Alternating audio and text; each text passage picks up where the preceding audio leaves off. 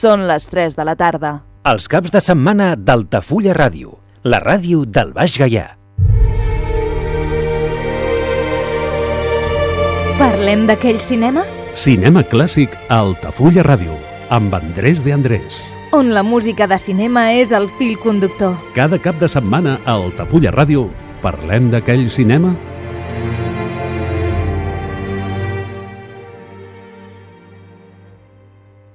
Rebin la salutació d'Andrés de Andrés amb el programa radiofònic Parlem d'aquell cinema. Parlar d'aquell cinema és parlar de tot el que refereixi amb el cinema. Pel·lícules, directors, tremollistes, sigui qui sigui, hasta un senyor que passava pel carrer, que a vegades es diu Alfred Hitchcock. I si no fixis en algunes pel·lícules, com passa algú, i diu, ai, si sembles Alfred Hitchcock. Doncs pues no, no, no. És Alfred Hitchcock que li agrada sortir, o li agradava sortir, un petit segons amb les pel·lícules que feia. Bé, avui parlarem, com és lògic, de cine. Bé, però serà d'una manera una miqueta variada. El títol el titulem, valgui la redundància, Sabor a cine. I començarem per una pel·lícula i la seva música. Començarem per My Fair Lady i la primera peça pues, una de les principals de la pel·lícula La calle donde vives però és que no és això My Fair Lady, mi bella dama és una, acadèmia, una comèdia musical ideada per Gabriel Pascal i el llibre i la música els van firmar Alan J. Lerner les lletres i Frederick Leff la música i està basada en l'obra teatral Pygmalion de George Bernard Shaw. L'argument, la història explica la vida d'Eliza Donlittle, una florista del carrer londinenc, a qui el professor de fonètica Henry Higgins, després d'una aposta amb el seu amic el coronel Pinkerin, proposa donar-li classes per poder passar per una dama de l'alta societat. S'ha de dir que Liza Doolittle és una vulgar i, i, i bruta i, en fi, i destartalada noieta que, que no sembla ni, ni joveneta, que ven flors a la sortida de l'òpera. I a més a més amb un vocabulari de, de, de baix barris que, que no els entenc amb un, bueno, amb un argot que, que, que ningú els entén. Higgins s'atribueix a l'èxit de l'empresa menospreciant a l'esforç d'Elisa, perquè lògicament aquesta noia té que superar molts, molts, moltes barreres per arribar a, a, a, fi, a dominar bé l'idioma anglès qui té una gran desil·lusió, encara que finalment l'acaba perdonant i decideix quedar-se amb ell. El musical de Broadway de 1956 va ser un gran èxit, establent un nou rècord de musical més representatiu de la història. Li va seguir una producció teatral en Londres, una exitosa pel·lícula i moltes reposicions i es considera el musical perfecte. Anem a sentir, doncs, oh, per primera vegada, per primera vegada en aquest programa, la calle donde vives. És tot un tema continuat d'uns 7 minuts de la pel·lícula My Fair Lady.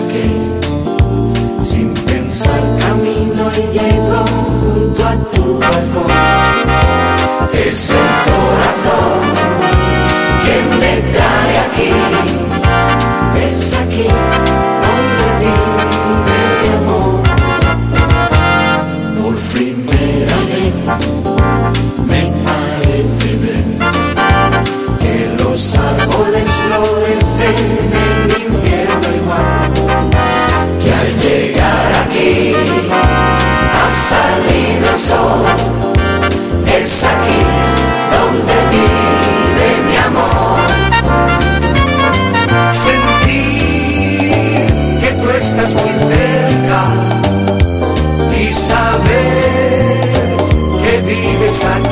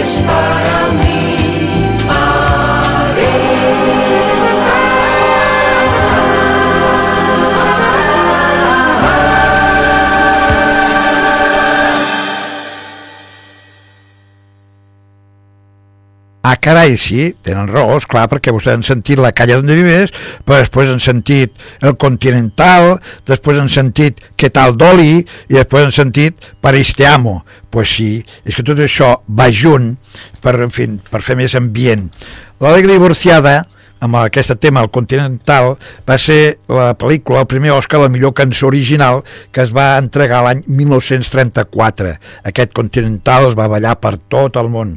I per la cançó, el Continental, que apareix amb aquesta pel·lícula, l'Alegre Divorciada, coneguda a Espanya precisament perquè hi havia en fi, un, uns artistes que eren fantàstics. És un musical de la RKO que va tindre un gran èxit al públic, a més de ser nominada a l'Oscar a la millor pel·lícula.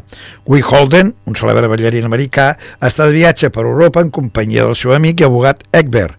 Camí d'Anglaterra, un incident amb la duana francesa el fa conèixer a Mimi Glossop, que viatja amb la seva tieta.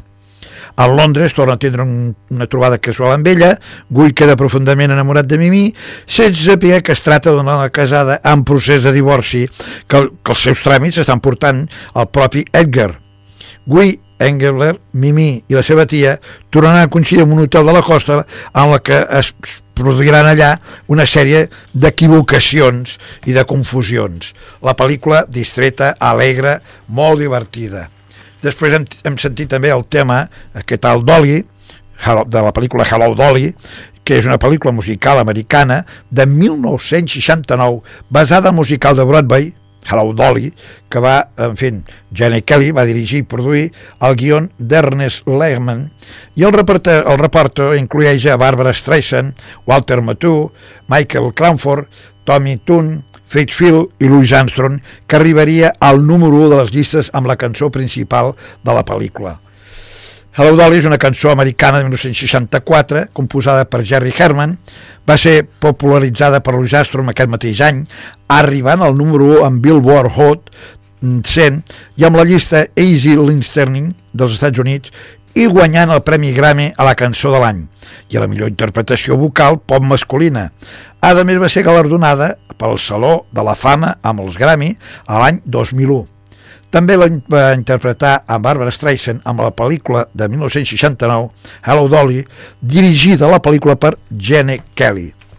I també hem sentit Paris Te Amo, de la pel·lícula Can Can, que és una pel·lícula musical de 1960 realitzada per Suffolk Cummings Produccions i distribuïda per la 20th Century Fox. És una pel·lícula dirigida per Walter Lang, produïda per Jack Cummings i Saul Chaplin i està basada en l'obra de Dorothy Kingsley i Charles Lederer, protagonitzada per Frank Sinatra, Shirley MacLaine i Maurice Chevalier. La pel·lícula té algunes de les cançons més conegudes de Cole Porter, com High Low Paris i Sets Magnifique. En fi, la pel·lícula va tindre un pressupost estimat de 6 milions de dòlars. Bé, seguirem parlant de, del cine. Can Can, mm, que va ser dirigida l'any 1960, va ser la pel·lícula segona més taquillera de l'any després de Ben-Hur. Quina diferència d'estils. Bé, Ara tenim aquí la sombra de tu sonrisa, de la pel·lícula Castillos en l'arena. El director, Vincente Minelli. Intèrpret, Charles Bronson, Elizabeth Taylor, Eva Marie Saint, James Edward, Richard Barton i Robert Berber. Uh, això va ser l'any 65, la pel·lícula dura 116 minuts, és apta per tots els públics i és un melodrama la música de Johnny Mandel i la fotografia de Milton Krasner i Laura Reynolds és una pintora gran talent i molt inconformista no ha volgut casar-se amb el pare del seu fill i no desitja sometre's a les regles del còdic moral de la societat i junt amb el seu fill de 9 anys, Danny, viu a la costa de Califòrnia. El petit és tingut per matar un animal i com anteriorment hi havia comès unes altres faltes, el jutge exigeix que sigui internat en un col·legi. En fi, passem a una altra cançó. Tal com éramos és la pel·lícula i tal com éramos és la cançó. El passat mmm, 24 d'abril eh, va complir els seus anys la popular cantant i actriu neoyorquina Barbara Streisand, nascuda l'any 1942. Va començar a destacar artísticament amb el Off-Broadway, interpretant diferents obres i musicals a final dels 50 i principis de la dècada dels 60, quan, després d'actuar en multitud de locals nocturns a Nova York, va cridar l'atenció de diversos productors que li van permetre debutar Broadway amb I Can't Get It For You, Wosley Sal i firmar un important contracte, un important contracte amb Columbia Records que la portaria al número 1 del Billboard desbancant els Beatles amb el seu segon àlbum Pupil en 1964. Escoltem, doncs, també a la cançó Tal como éramos. estaba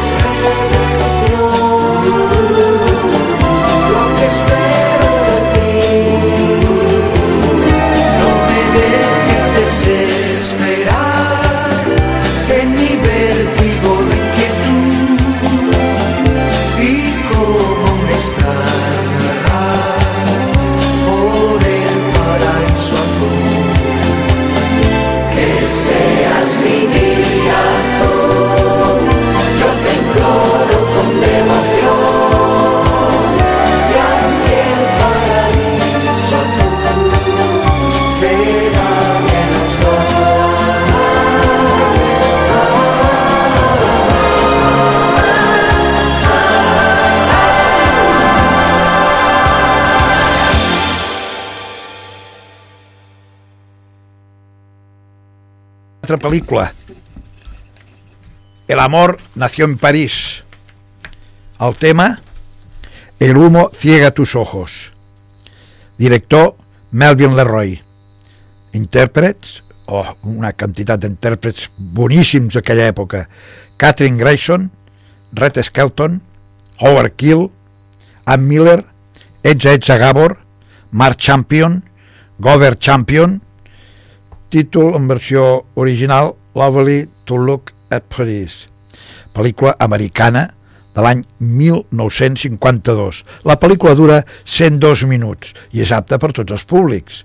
La música de Jerome Kern, en fi, la fotografia de George Folsey. És una fotografia fantàstica. De què va? Varios amics decideixen muntar un espectacle en Broadway encara que no tenen el diners necessari. Els seus problemes sembla que en fi, queden arreglats quan un d'ells rep una notificació de que la seva tia de París l'ha deixat una herència.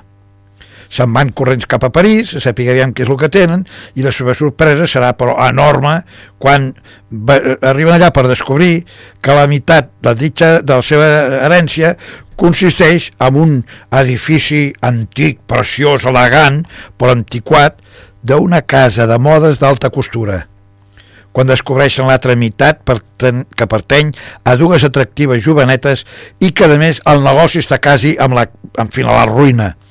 Els tres amics decideixen quedar-se i reflotar la botiga bueno, una botiga que, que és un, palau, per dir-ho així, molt de luxe, diversió i números musicals, rodats a tot color, amb una nova versió d'un clàssic de Fred Astaire i Ginger Rogers que es deia Roberta, de l'any 1935.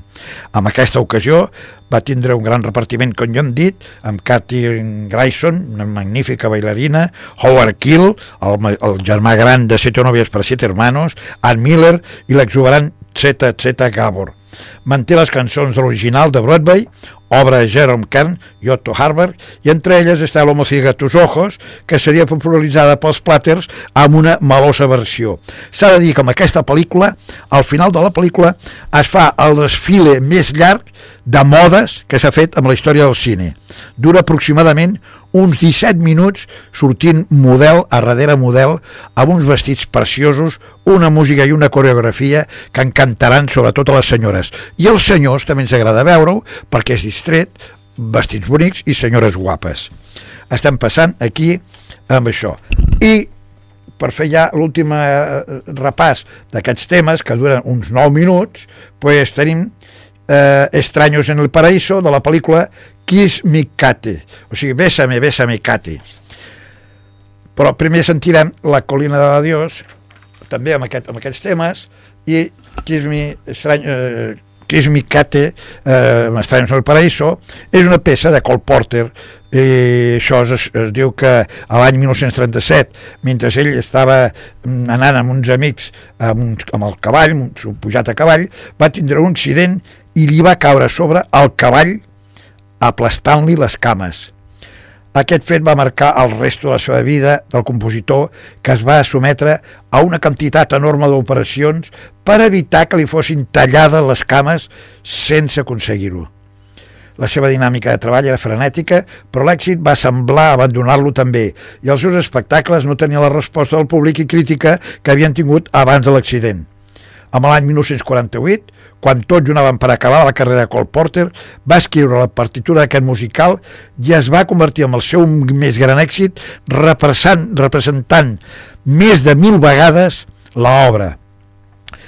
Kiss Me Katie és una comèdia d'enredo, relació de parella que té la virtut d'explicar-nos de, dues històries eh, paral·leles, la que viuen els protagonistes de l'obra, dos actors divorciats que, deuen, que han de seguir treballant junts i, mm, en fi, lluitar amb els seus sentiments, mentre representen l'últim muntatge de la companyia amb la que treballen, que no és ni més ni menys que la firecilla domana, domada de Shakespeare, que els obliga a representar escenes de baralles i d'amor.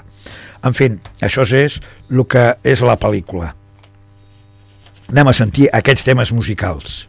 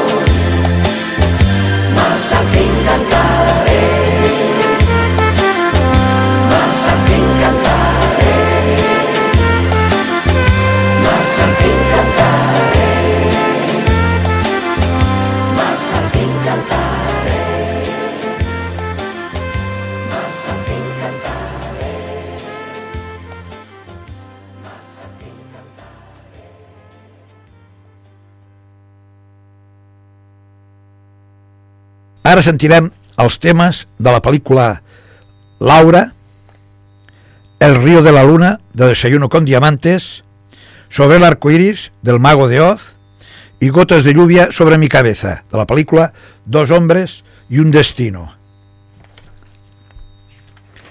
Primerament, Desayuno con Diamantes, la pel·lícula hispanoamericana es va dir Desayuno con Diamantes, és una pel·lícula americana del gènere comèdia, rodada l'any 1961 i dirigida per Black Edwards, protagonitzada per Audrey Hepburn, George Pepper, i va tindre un repartiment d'actors secundaris que incluïa a Patricia Niel, Martin Balsam, Miquel Rooney i a l'espanyol José Luis de Vilallonga, i la pel·lícula és una adaptació bastant lliure de la novel·la del mateix títol de Truman Capote. La banda sonora va ser composada per Henry Mancini, el que va fer la Pantera Rosa, la música, i amb ella es troba la famosa cançó Moon River, amb lletra de John Mercer. Aquesta és una de les, dels temes. Laura, amb la cançó Laura, una pel·lícula de 1944, que després de moltes dificultats, Otto Preminger va juntar amb la seva posada de guió adaptant la novel·la de suspens de Vera Caspari, la direcció de la mateixa, després de convèncer el, el productor de la Fox, Zanuck, per despedir l'antic director Mamulain, des, després de les discussions amb el canvi de guió, i de l'actor que representava a Waldo Liderex. La pel·lícula, Laura Hunt, que és Janet Tierney, una jove enigmàtica e impenetrable, apareix morta en el seu apartament de Nova York amb estranyes circumstàncies. El detectiu Mark McPherson, que és Dan Andrews, s'encarregarà de la investigació. McPherson centra les seves sospites amb el seu nòvio, Selby Carpenter, que és Vincent Price, un vividor poc recomanable, i el columnista i escritor Baldo Liderets, que és Clifton Whiff, que fa de protector de la noia, però no l'ha pogut protectar bé i la noia és assassinada. El quadre que hi ha de Laura amb l'apartament és una de les claus de la pel·lícula. El propi quadre i l'atracció inexplicable per ell sent el detectiu McPherson una atracció tremenda. A més del quadre Laura, la base de la pel·lícula és el tema musical i la interessant i innovadora forma d'explicar la història. I aquest tema musical és el que també sentirem amb aquest mm, en fi, popurri de cançons. Espero que els agradi tots aquests temes perquè val la pena sentir-los en ganes i sobretot veure les pel·lícules. Andrés de Andrés els agraeix la seva atenció i els hi pot dir moltes novetats, moltes coses, perquè, per exemple, eh, amb aquesta pel·lícula de Desayuno con Diamantes, eh, la joieria Tiffany va obrir en diumenge i va ser la primera vegada que obria les seves portes en un diumenge des del segle XIX perquè es pogués filmar les escenes de Holly i Paul amb l'interior de la botiga. Uh, Audrey Hepburn també va tindre el seu patiment perquè amb la primera escena de la pel·lícula Holly sembla encantada amb la seva bulleria el cert és que Audrey Hepburn odiava els pastissos danesos per lo qual va suposar que l'escena fos tot un reto per a ella. Ella està als tantes de, res està despuntant el dia ella es queda davant de l'aparador mm, tancada la botiga de Tiffany menjant precisament aquesta bulleria. A més, l'escena en què Holly té que abandonar el gat, un gatet que té al carrer amb la pluja, va ser l'escena més desagradable que va tindre que fer perquè en paraules d'Audrey Hepburn que era una gran amant dels animals pues, no, no li va agradar fer aquesta escena però la va tindre que fer l'actriu, a més, molt conscient de que no era de l'agrat de Truman Capote i a pesar de ser una de les actuacions més conegudes, ella va considerar que havia sigut triada erròniament. Moon River és la cançó que va ser escrita per Henry Mancini, específicament per Audrey Hepburn, i donat que ella no tenia ninguna formació musical, no es van fer variacions complexes. Encara que s'han fet mils de versions de la cançó, Henry sempre va proclamar que la interpretada per Audrey era la seva favorita. Els gats de Desayuno con Diamantes en total van ser nou els gats que van interpretar a Gato, que així li diu ella, amb el, amb el seu animalet, a l'animal sense nom que no pertany a ningú, però al que Holly pertany, perquè és un gatet que apareix de cop i volta a una finestra de la casa del pis on viu, on viu Holly. A més, el llibre que escriu Paul Berjac es diu Nueve vides, i aquí li diuen gato. I Nueve vides és un homenatge de les nou vides que diuen que tenen els gats. Anem a sentir ja al final de la pel·lícula de, per exemple, bueno, no és el final, és el començament de la pel·lícula El Mago de Oz, que és la cançó Sobre l'arco iris, una pel·lícula musical de fantasia produïda per la Metro Goldwyn Mayer, va ser feta l'any 1939, o sigui que farà ja aviadet 82 anys. Encara que ara Time Warner poser, eh, té els drets de la pel·lícula, va tindre amb les actuacions de Judy Garland, Frank Morgan, Ray Bolger, Jack Haley, Ben Lar, Billy Burke i Margaret Hamilton. Amb l'actualitat és considerada una pel·lícula de culte a pesar del seu projecte inicial com fàbula cinematogràfica infantil. S'ha de dir que sobre l'arco iris va ser una peça musical que en principi no la volien posar amb l'obra, però com que els hi faltava alguns minutets per acabar d'omplir la pel·lícula, van pensar que, bueno, que la podien posar i la van deixar allà. En fi, hi ha moltes coses per explicar. Dos hombres i un destino, és una altra pel·lícula, eh, en fi, és de Butch Cassidy i Sundance Kid, dos homes que van ser dos pistoleros tremendos. La pel·lícula està feta als Estats Units l'any 1969 i es va estrenar el 24 d'octubre de 1969. La pel·lícula dura 110 minuts. És una pel·lícula del gènere criminal, drama, aventures, western no recomandada per menors de 13 anys i el repartiment va ser, imaginem, Paul Newman, Robert Redford, Catherine Ross, Strucker Martin, Henry Jones, Jeff Corey, George Furt, Cloris Lynchman, Ted Cassidy, Kenneth Mark i va ser distribuïda per la 20th Century Fox. Bé, va ser una pel·lícula guardonada en quatre premis Oscars 1970, nou premis BAFTA 1971, un premi Globo de Oro 1970, un premi Grammy 1970, cinc premis Laurel, Laurel de Oro 1970 i un premi Glitter Gould d'Amèrica 1970 i a més el premi ASCAP de 1988. La cançó Gotes de lluvia sobre mi cabeza està composada per Buck Bacharach amb lletra de Hal David i va guanyar el Premi Òscar i el Premi ASCAP. Senyors, Andrés de Andrés agraeix l'atenció que han tingut amb aquests temes musicals, amb la meva explicació, en fi, eh, amb tot el que hi pot haver amb aquesta eh, explicació de parlar del, del cinema, perquè això és el que fem aquí. Parlem d'aquell cinema si volen que parlem una miqueta més, podem parlar una miqueta més, però el temps ens tira a sobre, perquè, per exemple, podríem parlar de Yesterday, de la pel·lícula Help, Que Noche, de West Side Story, Volver a empezar, de Noche y Día, i Libre, de Nacida Libre. Bé, per exemple, Help, la pel·lícula Yesterday, és el títol d'una pel·lícula Help, eh? protagonitzada pels Beatles i Leon McCarn, Eleanor Brown, Victor Spinell, John Brutal i Roy Kinner. La banda sonora va ser llançada amb un àlbum dels Beatles que també està, està titulat com Help. Aquesta pel·lícula va començar amb el títol High Arms, o sigui, Ocho Brazos para Abrazarte, i posteriorment se li va canviar el títol per Help. Després tenim Esta noche de West Side Story. Entre les curiositats de West Side Story s'ha de destacar el fet de que Elvira, el, perdó, Elvis Presley podia haver sigut Tony, encara que el seu mànager el fent, li va dir que no, que no ho fes, que no ho fes. Richard Weimer, Tony, i Natalie Wood, Maria, no sabien ni cantar ni ballar, de manera que les seves escenes de ball van ser reduïdes i les seves veus són doblades quan hi ha cançons. La vista del bon resultat que va donar la pel·lícula costa creure que els més desencantats amb la cinta van ser precisament els seus creadors. Hi ha moltes coses per explicar, però algun dia dedicarem a un programa sencer amb aquests temes.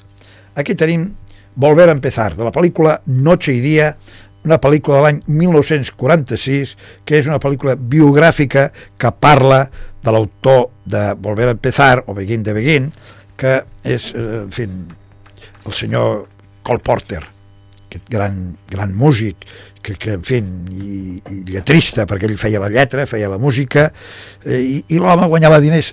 Cole Porter està representat en aquesta pel·lícula com una persona pues, normaleta, però no es fa menció de la seva reconegudíssima homosexualitat. Però, en fi, la pel·lícula és distreta, Gary Grant fa el paper de Cole Porter, Alexis Smith fa el paper de Diana, perquè Cole Porter es va casar amb una dona, també de diners, i que sabia que ell era homosexual i li permetia les seves aventures.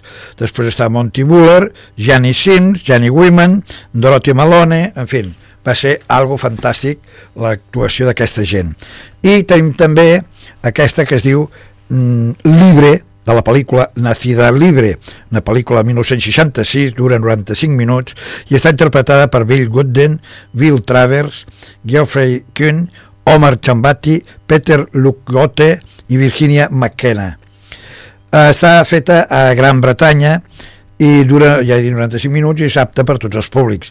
Després de la pel·lícula tracta d'una ronda de vigilància per la, selva de, per la selva de Kènia, George Adamson porta la seva dona Joy tres, mm, mm, tres, bueno, tres petits eh, cries de lleó que els seus pares s'han vist forçat a matar-los però a la casa reinen els, dos, els tres animalets, sobretot la petita Elsa, que es converteix en la constant companya de l'ama de casa. Les autoritats intervenen per fer-les veure que els animals suposen un perill creixent, fins al punt que el matrimoni Adamson es decideixen a portar-los a l'aeroport de Nairobi per internar-los amb un so. Solsament Elsa queda amb ells. D'aquí ve que és libre i dona tema amb aquest, eh, amb aquest tema musical de la, de la pel·lícula. I Andrés i Andrés els agraeix el, fent l'atenció que m'han pogut prestar, eh, prestar, espero que els hagi agradat eh, i si m'ho permeten tornaré a vindre a una altra ocasió. Gràcies per estar amb el programa Parlem d'aquell cinema.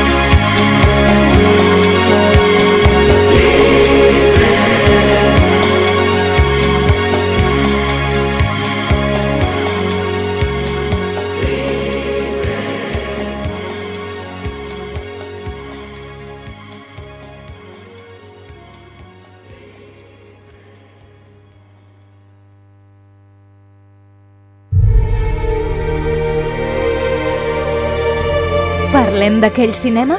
Cinema clàssic a Altafulla Ràdio, amb Andrés de Andrés. On la música de cinema és el fill conductor. Cada cap de setmana a Altafulla Ràdio parlem d'aquell cinema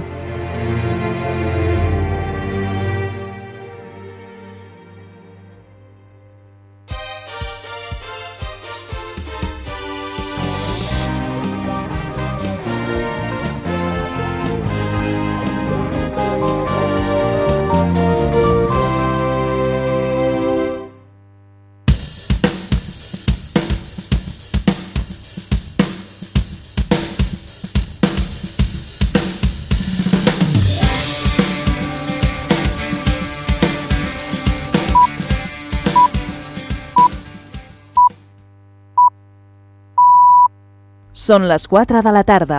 Els caps de setmana d'Altafulla Ràdio, la ràdio del